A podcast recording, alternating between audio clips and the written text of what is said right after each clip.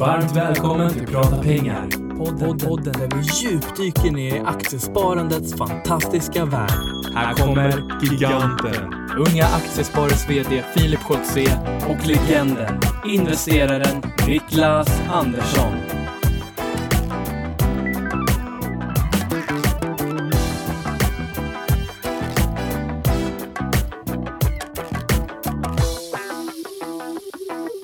Då säger vi eh, äntligen måndag och varmt välkomna till podden Prata pengar. Nu är vi på avsnitt eh, 39 Niklas. Mm, tiden går fort. Tiden går fort och eh, tiden är också tidig. Det är en eh, tidig morgon.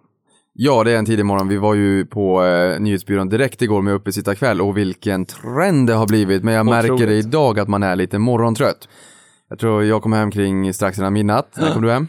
Eh, jag var hemma nog en timme före dig ungefär. Mm. Och vi såg att likt väl, likt de senaste månaderna dessförinnan, så är ju uppesittarkväll en av de starkaste trenderna i Sverige. När vi finans och börs och sparnördar befinner sig i Twitterdjupet för att diskutera vilka köp och sälj man kanske ska göra nu då när lönen kommer. Och det lite intressanta där var ju också att Boden, det vill säga den stad, min gamla hemstad, den här trenden en gång i tiden faktiskt grundades, trendades starkare än uppesittarkväll.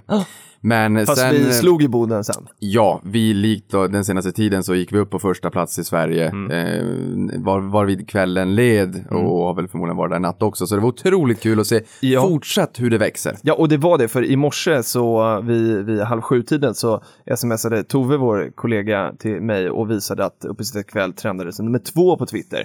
Så att he, hela natten har det, och även då nu på morgonen så har det varit drag. Jättekul. Ska vi förklara någonting om varför vi var där för de som inte har följt oss i flödet igår? Det kan vi absolut göra. Igår, ja, Gör, gör det du. Från igår när vi spelade in det här. Ja, nej men gör det. Vi kommer att äh, nu 13 år senare från en gång i tiden när det här äh, sakteligen startades i ett kallt och mörkt Boden eh, har det blivit en större trend på Twitter sen, sen vi startade den här podden och våra vänner på Twitter har lyft upp det här till, till ett epitet varje månad.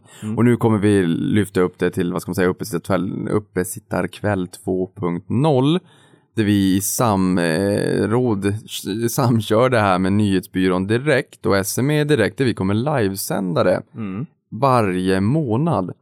Så det kommer vara en livesändning någonstans tror vi i dagsläget från 20.00 när man äter sin eh, tacos fram till 22.30 någon gång när amerikanska börsen har stängt. Och med oss har vi hela nyhetsbyrån direkt, vi har nyhetsdesken, vi har de som bevakar den amerikanska marknaden på kvällen, vi har killarna och tjejerna på SME direkt med analytiker estimaten som kommer tryck- kunna trycka ut den här intressanta informationen direkt i flödet baserat på vilka bolag som är intressanta som diskuteras kring vid Ja. uppesittarkväll. Och de som kanske är lite nära rapport. Ja. Och sen kommer vi göra lite intressanta takes också varje gång som kan vara intressant att lyssna på.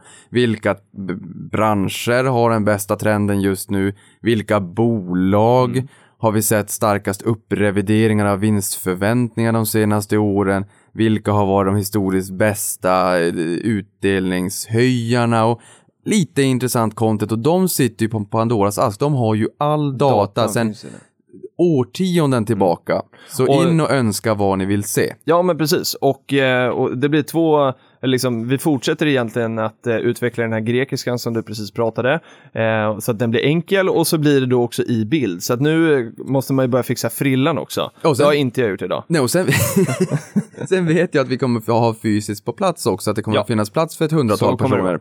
Så det blir jätteskoj. Ja.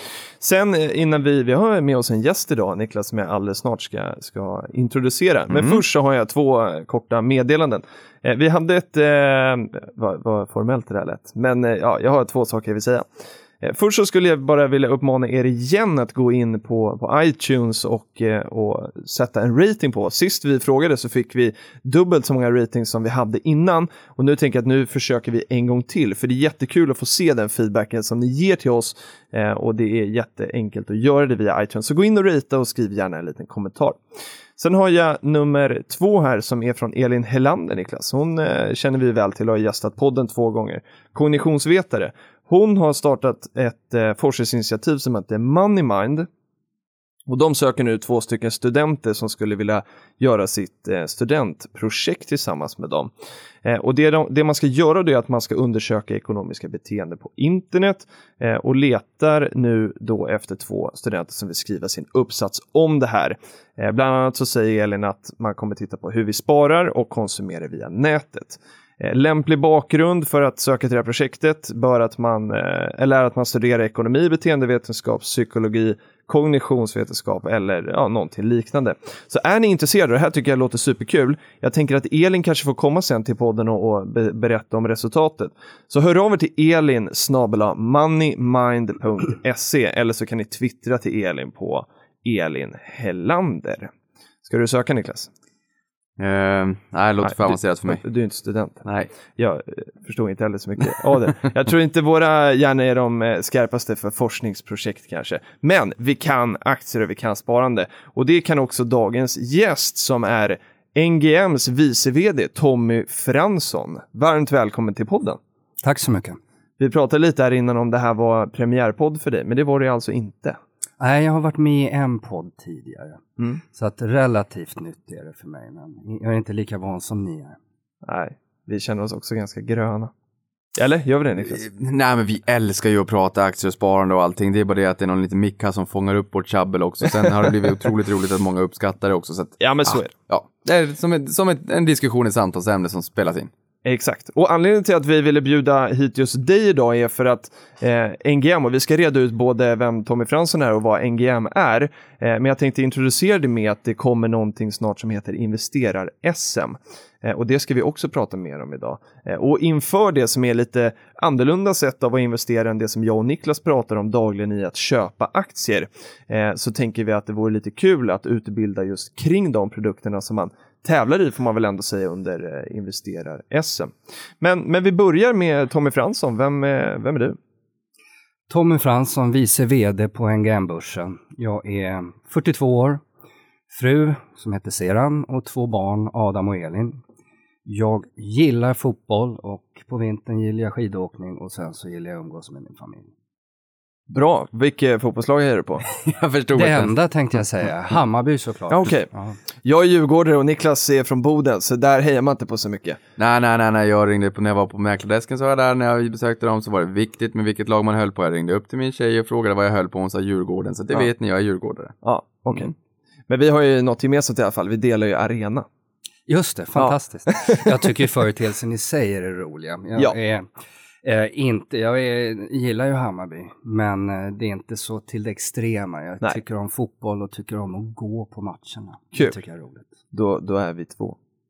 Men och, och, du säger NGM-börsen, det är alltså en, en börs och vi, jag tror många känner till Nasdaq och Stockholmsbörsen pratar man om och vad, vad kommer NGM in i det här? Oj, NGM startades 1984. Eh, då var det ingen börs.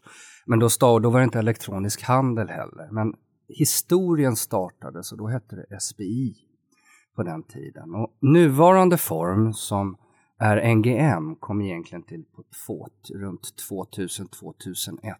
Mm. Då eh, blev det en sammanslagning av något som hette IM Innovationsmarknaden och SBI. Och så togs handeln till elektronisk handel och så bytte man namn till NGM. Mm. Eh, 2003 fick vi börstillstånd och det är ju en sån här legal status som sätts ifrån Finansinspektionen. Så att det är vad Nasdaq är. Nasdaq är en börs och vi är en börs. Så att det finns två börser i Sverige. Sen finns det olika handelsplattformar och sådär och man kan bedriva handel på olika sätt. Men när det kommer till börs så finns det två i Sverige. Vad är den största skillnaden mellan att vara en handelsplats och en börs?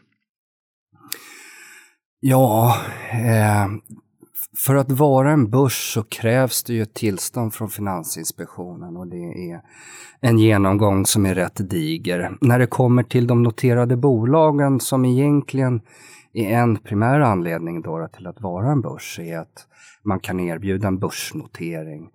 Och för i praktiken för noterade bolag så innebär det ofta att man inte har några placeringsförbehåll för mm. större internationella eller institutionella eh, sparare och investerare.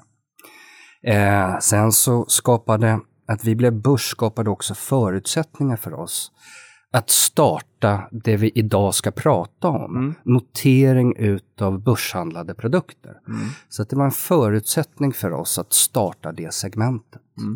Och, och jag tänker så här att vi ska, eh, det är det vi ska ägna dagens avsnitt åt. Men jag vet ju här att Niklas har ju eh, lite favoriter och några bolag som ändå är liksom, noterade på er börs. Ska vi, ska vi dra dem?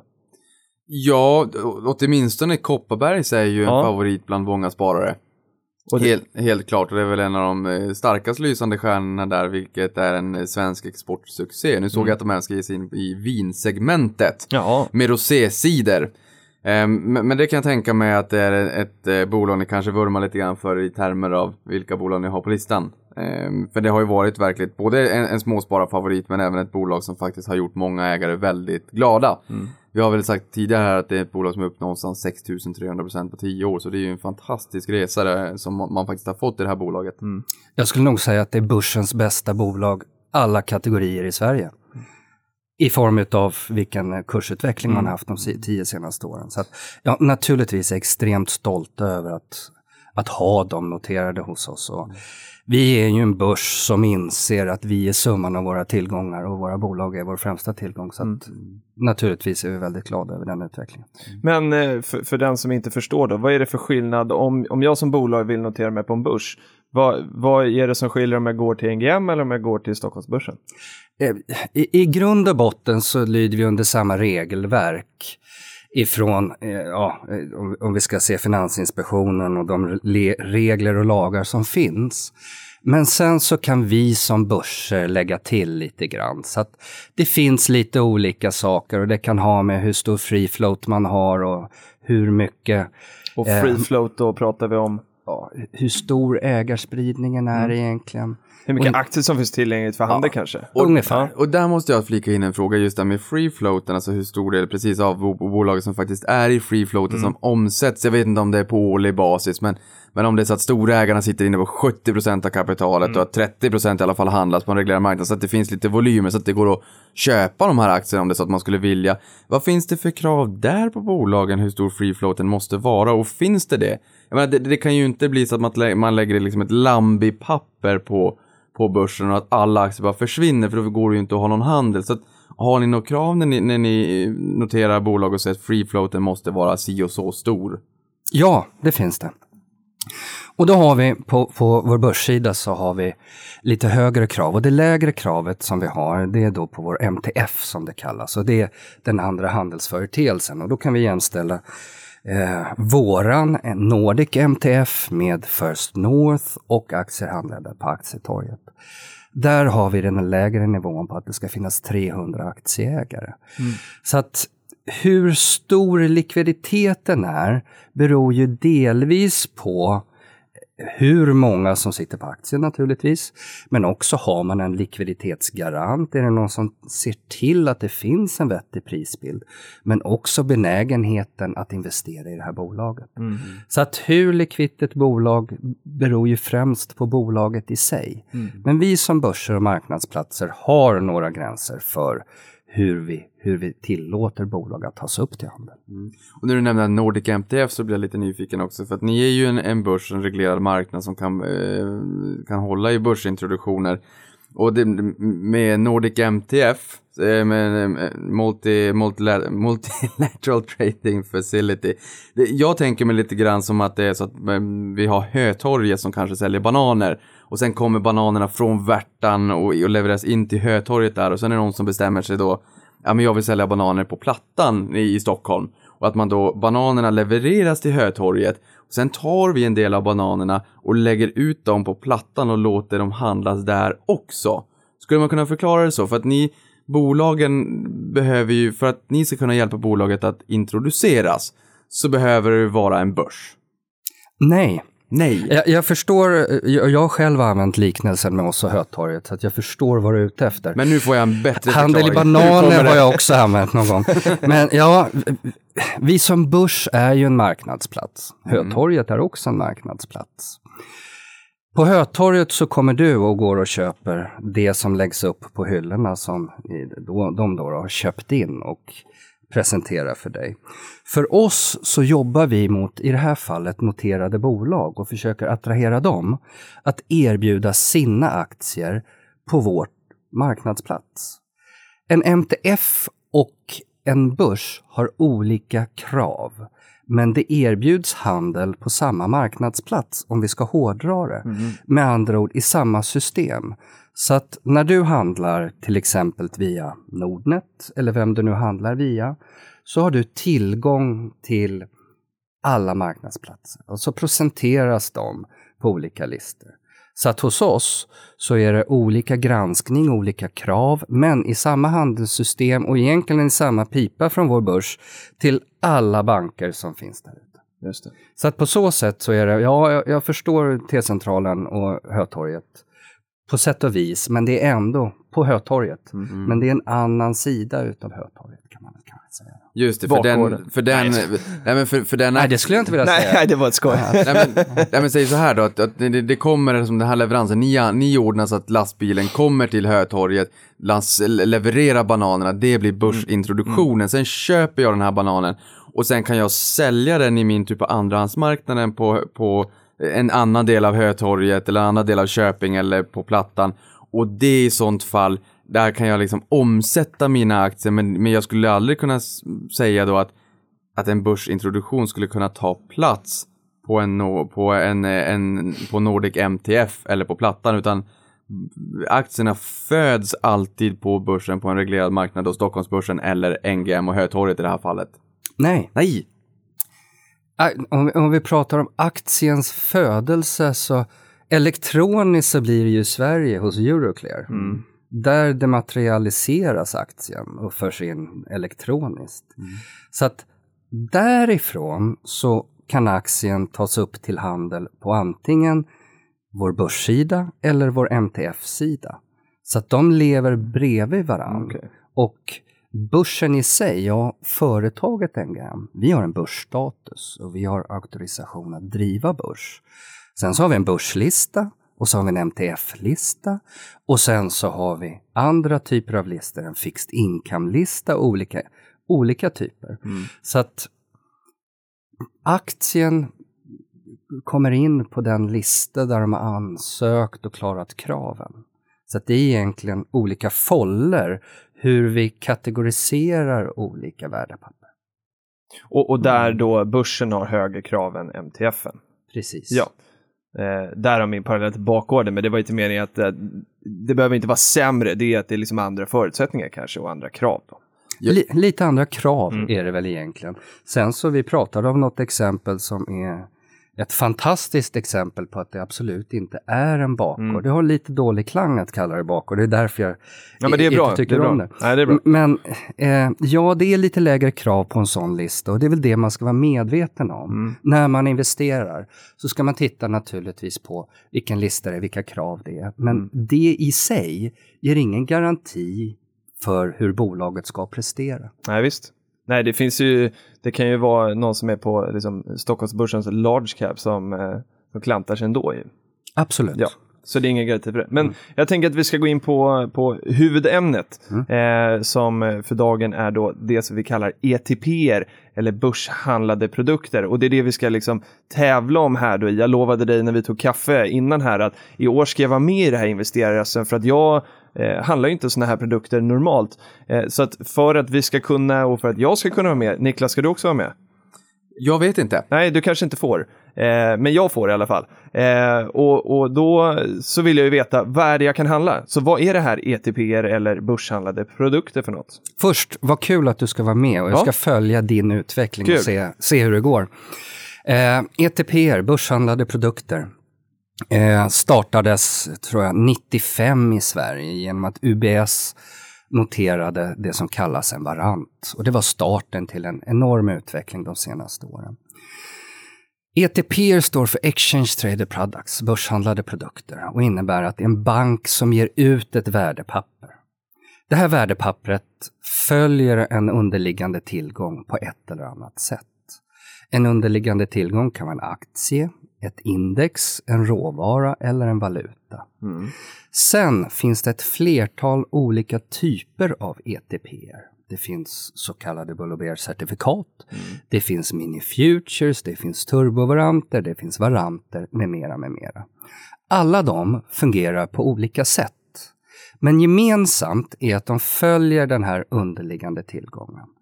Och allt som oftast så erbjuds exponering i att kunna tjäna pengar när det går upp eller tjäna pengar när det går ner. Men Niklas, hur, eh, nu, nu har vi liksom tagit oss in lite grann och jag tror att vi börjar förstå eh, lite vad börshandlade produkter är. Eh, handlar du med sånt här? Du har ju ändå hållit på med aktier i, i många, många år. Vad är din relation till den här typen av produkter?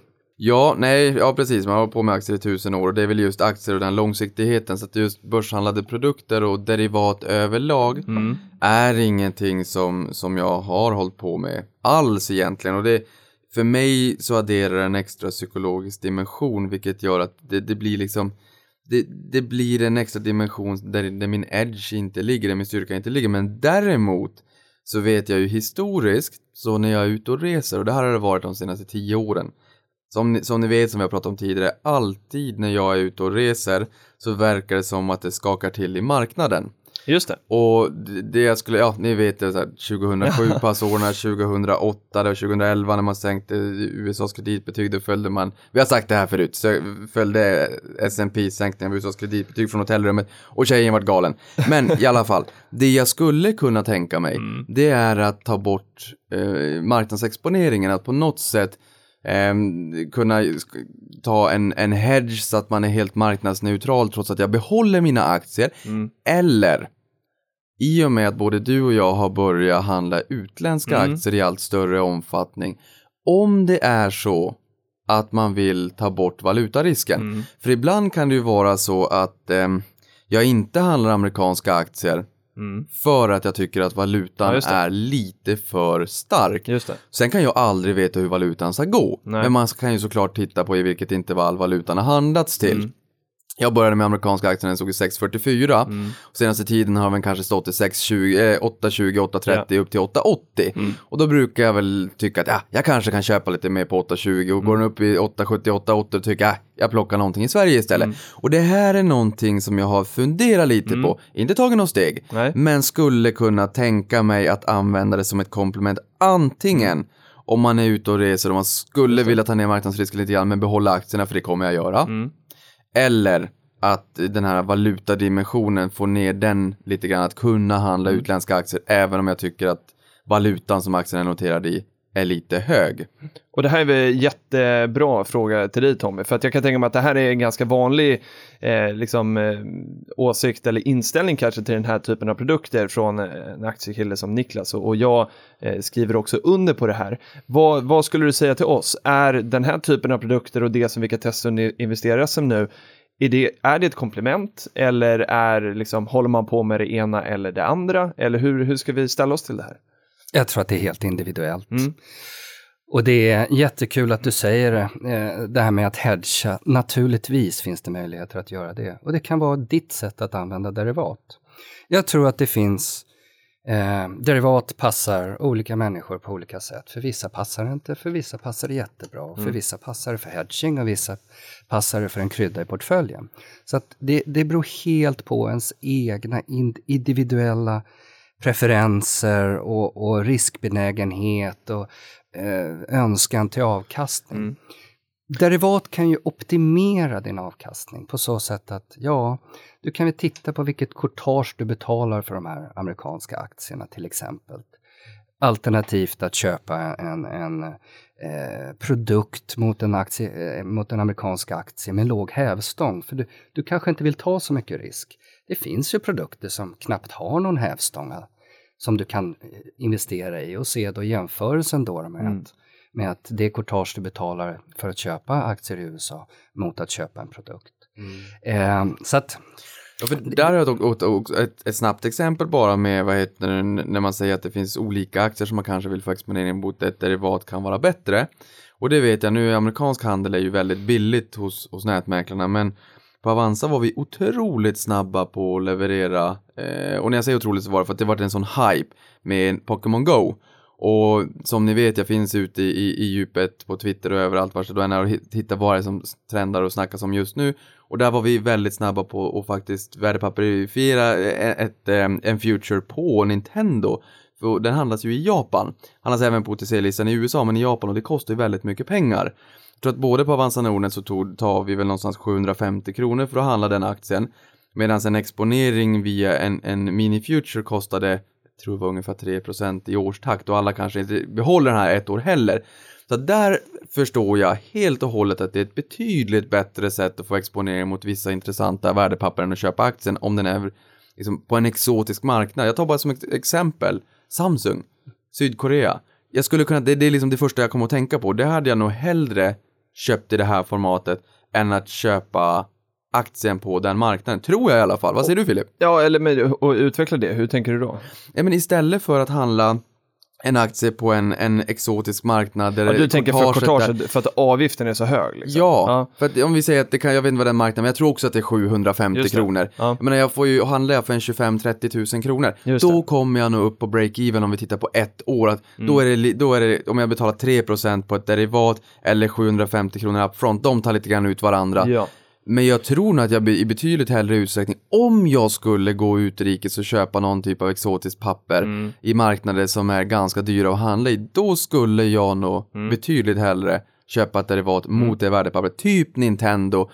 Nu säger jag inte att man ska köpa Nintendo, det gjorde inte jag Nej, men heller. Men. Mm. men det är ett exempel som ligger folk varmt om hjärtat för att det, är, det är ganska aktuellt. Ja. Men du har ju gjort precis rätt kalkylering. Du har ju tittat på, jag antar att du hade en, en, en placeringshorisont på ett år och jämför det, att handla en produkt som har en kostnad och jämföra det med den placeringshorisont och den kostnad det innebär att köpa aktien. Så att, det skulle definitivt vara min uppmaning till de som tittar på de här produkterna. Tittar man generellt på hävstångsprodukter, ja det, krä- det är ju högre risk. Hävstång säger ju det att det rör, rör sig mycket fortare åt bägge hållen, både upp och ner, oavsett vilken marknadstro du har. Det gör ju i sig att man måste ha en mer, en mer aktivare bevakning. Ju högre hävstång du köper, ju större aktiv bevakning behöver du ha. Så att eh, jag tycker du sätter fingret på, på helt, helt rätt ställe. Med en hävstångsprodukt och produkter som kostar pengar över året så måste du ta in det i beräkningen. Just det. Men och jag tänkte vi ska lyfta in dagens första fråga här, för det är precis den här typen av exotiska saker som vår eh, lyssnare Mattias Lundqvist har frågat om. Eh, och för då undrar han om vi har några tips på intressanta grejer man kan köpa då, förutom eh, det som vi normalt sett når via våra eh, ja, de, de stora listorna på de vanliga aktiebörserna. Eh, vad, vad är det man kan få exponering mot med sådana här produkter? Har du, nå- du kanske har något favorit exotiskt eh, eh, som man kan få exponering mot? Det kanske är kiwi eller någonting sånt där. Eh, eller, finns det, eller är det de vanliga klassiska, att det är guld och andra typer av råvaror? Och för att think outside the box så kan vi ju säga att när vi läste om skandalen kring Carnegie så här ställde de ut optioner på guldfiskar. Så det, det är verkligen, man, man kan handla i mycket. Man kan handla i mycket och eh, ja, vi har ett 20-tal råvaror, vi har ett 20-tal index, vi har eh, säkert en 150-160 eller mer aktier, många utländska. Eh, vi har valutapar. Så att eh, det finns det mesta. Det finns eh, på råvarusidan palladium och vete om det anses eh, som exotiskt. Och det finns eh, troligtvis, det har funnits pork bellies och det har funnits apelsinjuice. så att det är egentligen efterfrågestyrt. Okej, så om kunderna säger vi vill ha exponering mot kiwi, då löser man det? Precis, och så jämförelsen här med Nintendo. Ja, eh, vi hade banker som kom ut med King och Facebook dagen efter IPOn i USA. Så att det är en, en väldigt snabb och flexibel process och den är helt efterfrågestyrd. Eh, valutapar kan säkert vara intressant att handla över börs. Eh, utländska aktier, ja, Nikkei-index, eh, Hang Seng. Eh, du kan få eh, Brasilien-exponering och naturligtvis de stora europeiska. Men, eh, och, och då tänker jag att vi, eh, eller så här, en stor grej av det här då som är lite nytt tror jag för våra lyssnare är en fråga som Niklas Wallgren har ställt och han vill att vi ska prata om det här som du nämnde lite som är då bear market. Eh, och det är ju då att gå kort, alltså att du tjänar pengar på att någonting faktiskt faller. Och det här kan man ju göra med aktier också, att du lånar aktier och blankar som det heter. Men i det här med att liksom köpa eh, blanka produkter, hur fungerar det? Hur kan man tjäna pengar på att något faller i värde? Men Niklas har något emellan. Ja, för det står i frågan också bear market och där vill vi definiera att det är när börsen har fallit mer än 20% från sin topp. Okej, ja men det, det är jättebra. Men eh, i, i det stora, att man vill liksom tjäna pengar på att någonting går, med, går ner. I, I den här marknaden så, så erbjuder man produkter som man tjänar pengar, man kan tjäna pengar om det går upp och man kan tjäna pengar om det går ner. Och terminologin för de produkter som man tjänar pengar på när det går ner är bland annat bear, men det är också short och det är också put. Eh, och det finns, det är väl lite synd att det är många terminologier på det, men det, det, det har väl sin historiska förklaring. Men alla de eh, terminologierna ligger på produkter vars funktion gör att man tjänar pengar när det går ner. Och hur kan man göra det? Ja, i motsvarande sätt om du lånar ut en, en aktie. På samma sätt, det här är då en värdepapperisering utav det, alltså en pa paketering utav en sån strategi. Så att ETP-marknaden är egentligen paketering utav olika typer av strategier. Och, och det är det som, eh, precis som Niklas menar här, som Oskar också frågar, att även då när börsen faller då som den eh, är inne nu i en liksom, långsiktig fallande trend, så går det alltså liksom att tjäna pengar. Och Just den har vi tagit oss ur. Ja, ja precis. Bra. Ja, eh, jo men det går att tjäna pengar och det är väl också en av nyttorna med den här typen av produkter. Och det, det är, återigen, det är individuellt vilken nytta man ser med dem. Och återigen, det är ofta hävstångsprodukter som man måste vara medveten om risken som är förknippad med det här. Men ja, du kan tjäna pengar när marknaden går ner och det kallas i vissa fall bear-produkter. Då. Det kan vara, vill du ha en exponering mot DAX-index till exempel, du tror att den tyska aktiemarknaden så går ner så kan du köpa en, en bärprodukt. Mm. Och, och det som Niklas var inne på här tidigare, att han skulle vara intresserad av att hedga sin portfölj. Alltså han säger att om mina aktier går ner så kommer jag inte förlora pengar. Vad menar han här och hur fungerar det? Om man nu skulle vilja testa det i investerare vad gör man då? Det ska vi ju fråga din kollega. Ja. Vad skulle du göra? Nej, nej, nej, nej, men det jag tänker i sådana fall, det är ju att som jag har sagt, att- och det här är ju verkligen så att senaste årtiondet när jag har varit ute och rest så har börsen skakat till.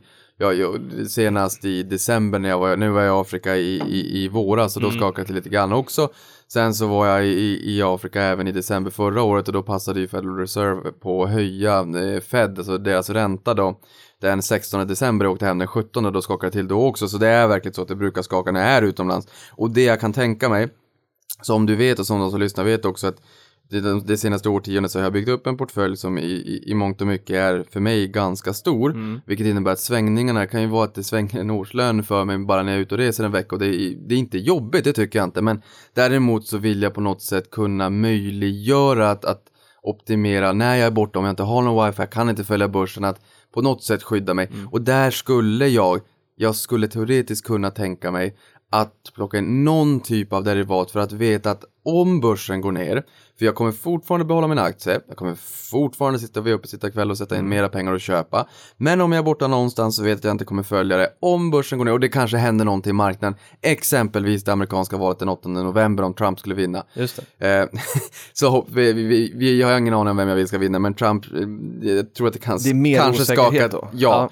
där i sånt fall kunna hedga portföljen lite grann och om det är så att börsen faller och den produkten gör att jag, att jag tjänar en liten slant, då skulle jag använda de pengarna som jag skulle tjäna på derivatet med att köpa fler aktier i min långsiktiga portfölj som dessutom då har blivit billigare.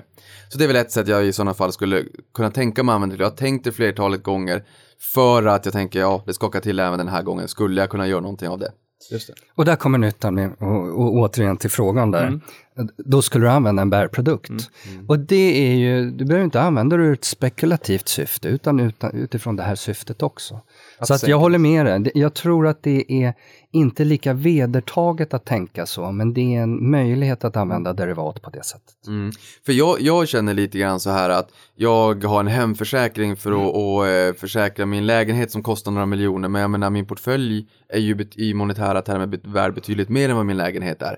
Det är ganska sjukt egentligen att jag försäkrar bilen med, min, med helförsäkring och jag försäkrar lägenheten och jag har drulle för tvn som inte kostade lika mycket som, som vad portföljen kan svänga. Och portföljen har jag ju teoretiskt historiskt sett inte försäkrat. Nej. Och jag skulle kunna tänka mig att det är lite intressant att åtminstone tänka på det. Ja, och, och rent praktiskt då, om vi säger att din portfölj eh, följer eh, Stockholmsbörsen om XS30 ungefär, eh, menar du att det du skulle göra då är att då köper du en, en, en kort produkt, en björnprodukt som går kort eh, OMXS30, det är indexet då.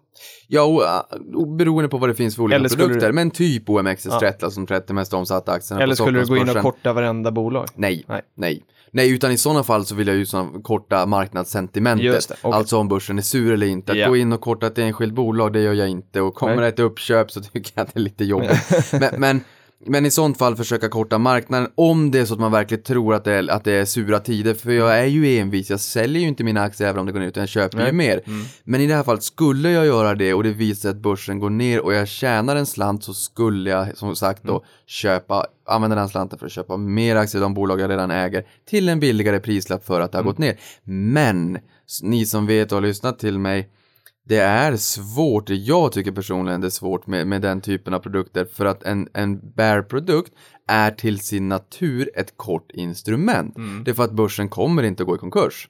Börsen kommer kunna ut, eh, exponeras för darwinismen och survival of the fittest. Det är inte samma bolag idag som det var för 10 år sedan eller Nej. 20 år sedan. Men, bolag, men börsen kommer inte gå i konkurs. Så att det blir ju liksom den här psykologiska aspekten. Okej, när ska jag sälja? Och jag är inte bäst equippad och jag har inte edgen där. Men jag skulle ändå kunna tänka mig att skydda lite grann för att det kan bli stora svängningar Just det. eh, för mig. Två eh, sista frågor till, till Tom då. Först, eh, för vi gillar ju den här utbildningsdelen liksom, och det är därför jag tycker det är kul med investera, alltså, för då får man ju testa. För visst är det så att det är fiktiva pengar i det här fallet, så det är ett ypperligt tillfälle att få prova på. Ja, det är fiktiva eh, pengar och det är på realtidskurser. Så att, eh, man kan ju grämma sig om man gör allt för bra affärer i investera i SM för att det hade faktiskt gått att göra eh, samma affärer i verklighet. Men vi tycker att det är ett fantastiskt bra element att få pröva att handla den här typen av produkter utan att riskera din egen. Och sätta en liten extra touch på det med lite olika priser och så vidare. Och vilka villkor gäller nu? När ska man anmäla sig? När pågår tävlingen och så vidare? Det här kommer ut på, på måndag, 27 är det då tror jag. Just det. Så att det går att anmäla sig redan nu och det går att göra det via NGMs webbsida och investera i SMs webbsida. Eh, och det går att anmäla sig ända fram till, till klockan sätter igång på, på måndagen där. Just det. Och det är en vecka senare då? Är det, då är vi inne i oktober? Ja, Ja. det är i- oktober som tävlingen går då och det är tre veckor så att vi tycker att vi har kört, tidigare kört fyra veckors tävling. Men nu tycker vi att tre veckor är Eh, har vi tittat på be- beteendet och det verkar som att man eh, är intresserad att vara väldigt aktiv i tre veckor. Är du med och tävlar själv? Eller- Nej, Det kanske inte jag får? sitter i no, eh, våran tävlingsjury. så Aha, att det vore olämpligt. det vore olämpligt om jag vann då. men, men min sista fråga till dig då är hur, hur investerar du själv privat? Är du aktiv på, på våra börser och handlar? Ja, det är jag. Mm. Eh, så det är jag. Jag är både aktiv i eh, noterade aktier, onoterade aktier och i derivat. Så att det är lite blandat. Och får vi några favoritpapper? Om du skulle vara tvungen att säga någon sån där, något bolag som du känner att men det här är ändå, det här är nog en, en favorit. Det behöver inte vara favoriten, men, men några, något eller några som du tycker är lite extra spännande. Nej. Nej, det kanske blir kursdrivande. Ja, då gör Ja, vi inte det, det. det vet jag inte. Jag, jag vill, eftersom jag- min arbetsgivare är börsen så vill jag Ja, inte jag uttala det. jag Men du har ett, eh, ett aktie och börsintresse i alla fall. Absolut. Ja. Och det är väl lite grann eh, eh, ganska passande om du jobbar på börs och i, Ja. jobbar i aktiemarknaden att du faktiskt har ett intresse för det tror jag. Det Det, verkar vi. som att ni, ni onekligen har ett extremt intresse för det här så det passar utmärkt att ni sitter och pratar om det. Ja, jag tänker att han kan, kan skicka morsekod för det, det, kortnamnen på bolagen är inte så jättelånga så vi skulle kunna skicka en morsekod på vilken, vilket kortnamn det är som är intressant. Du, Ah, vi pratade lite grann om Bull och Bear. Ja. Jag skulle bara vilja säga för, för de lyssnarna också som sitter och, eh, och funderar lite med Bull och Bear Mm. och, och vart namnen kommer ifrån. Att det är den här symboliken med att tjuren, Charging Bull i, Ah. i New York och tjuren stångar upp marknaden och, och björnen ställer sig på bakbenen och med ramarna river ner börsen. och även intressant att se att på många finan- i många finansdistrikt, både i Wall Street men även i Stockholm på Stureplan så finns Bullen Bear Mm. Ja, eh, det puben. finns en pub. Ja. Eh, så- Du och jag har varit och fotat med den där i New York också. Ja, vi var ju där i. New York och gick på Wall Street och det var japaner som trodde att vi var bankers där som började fota oss när vi var på investerarresa. Det var lite roligt. Så vi finns i ett antal japanska fotoalbum. Ja, eh, och nu Tommy ska, så ska vi eh, låta Niklas köra sitt nyhetssvep och berätta lite om vad som har hänt i, i veckan. Ja, men och dessförinnan fem sekunder bara så vill Ja, jag säga att vi sa pork belly och Ja. vete tidigare. Och det intressanta är att pork belly är väl ett eh, av, av ett tillgångslag som handlas väldigt friskt och frekvent i Chicago där råvaruhandeln har sitt ursprung med veteligen. Mm. Och man även kan, kan eh, säga att terminerna kommer ifrån va? Kan Ja. det stämma? Just det. Eh, och, eh, jag ska göra ett tillägg till det där. Det- här är ju en dynamisk vara, de här derivaten, så att det kommer ju derivat på efterfrågan. Så att ibland så finns det och ibland så om det inte finns någon efterfrågan så försvinner de bort. Det är väl de två eh, väldigt iögonfallande underliggande tillgångslagen som jag kunde tänka på. Ja, men palladium är inte heller, så det är ju också ganska exotiskt att kunna handla det. Så att, ja, det kommer ju från den stora terminshandeln och det är därifrån man hämtar de underliggande priserna. Så att det, det behövs, behöver finnas en underliggande marknad för att ge ut derivat. Undrar om vi kan få derivat på podden Prata pengar. Inte i dagsläget då, men eh, någon gång i framtiden. Men, va, vad heter råvaran som man använder till eh, bat- elbatterier? Litium. Litium. För, för där är det väldigt många som pratar om litium och det är många, många som pratar om att det kommer nya teknologier som gör att man, inte, att man blir oberoende av litium. Men har ni sett att det finns någon efterfrågan på, på handel i litium? Eller finns det redan kanske? Jag, jag vet faktiskt inte. Inte jag heller. Jättespännande. Jag Får- tycker det skrivs lite om det i sociala medier faktiskt. får väl vara en uppmaning till de som ger ut produkter att Ja. eh, notera produkter på litium om det finns en förutsättning för det. Intressant. Nyhetssvep. Ja, eh, då kan vi säga att världens sjätte största redarföretag, eh, som vi pratade om här tidigare, Hanjin, som eh, var strandad i med ett, strax under 100 skepp runt om i världen i 26 länder med, med varor som vi ville sälja både under Black Friday och, och julhandeln var strandade. Men nu verkar det som att det här kommer att få ett nödlån, det här bolaget var på kursen rusade.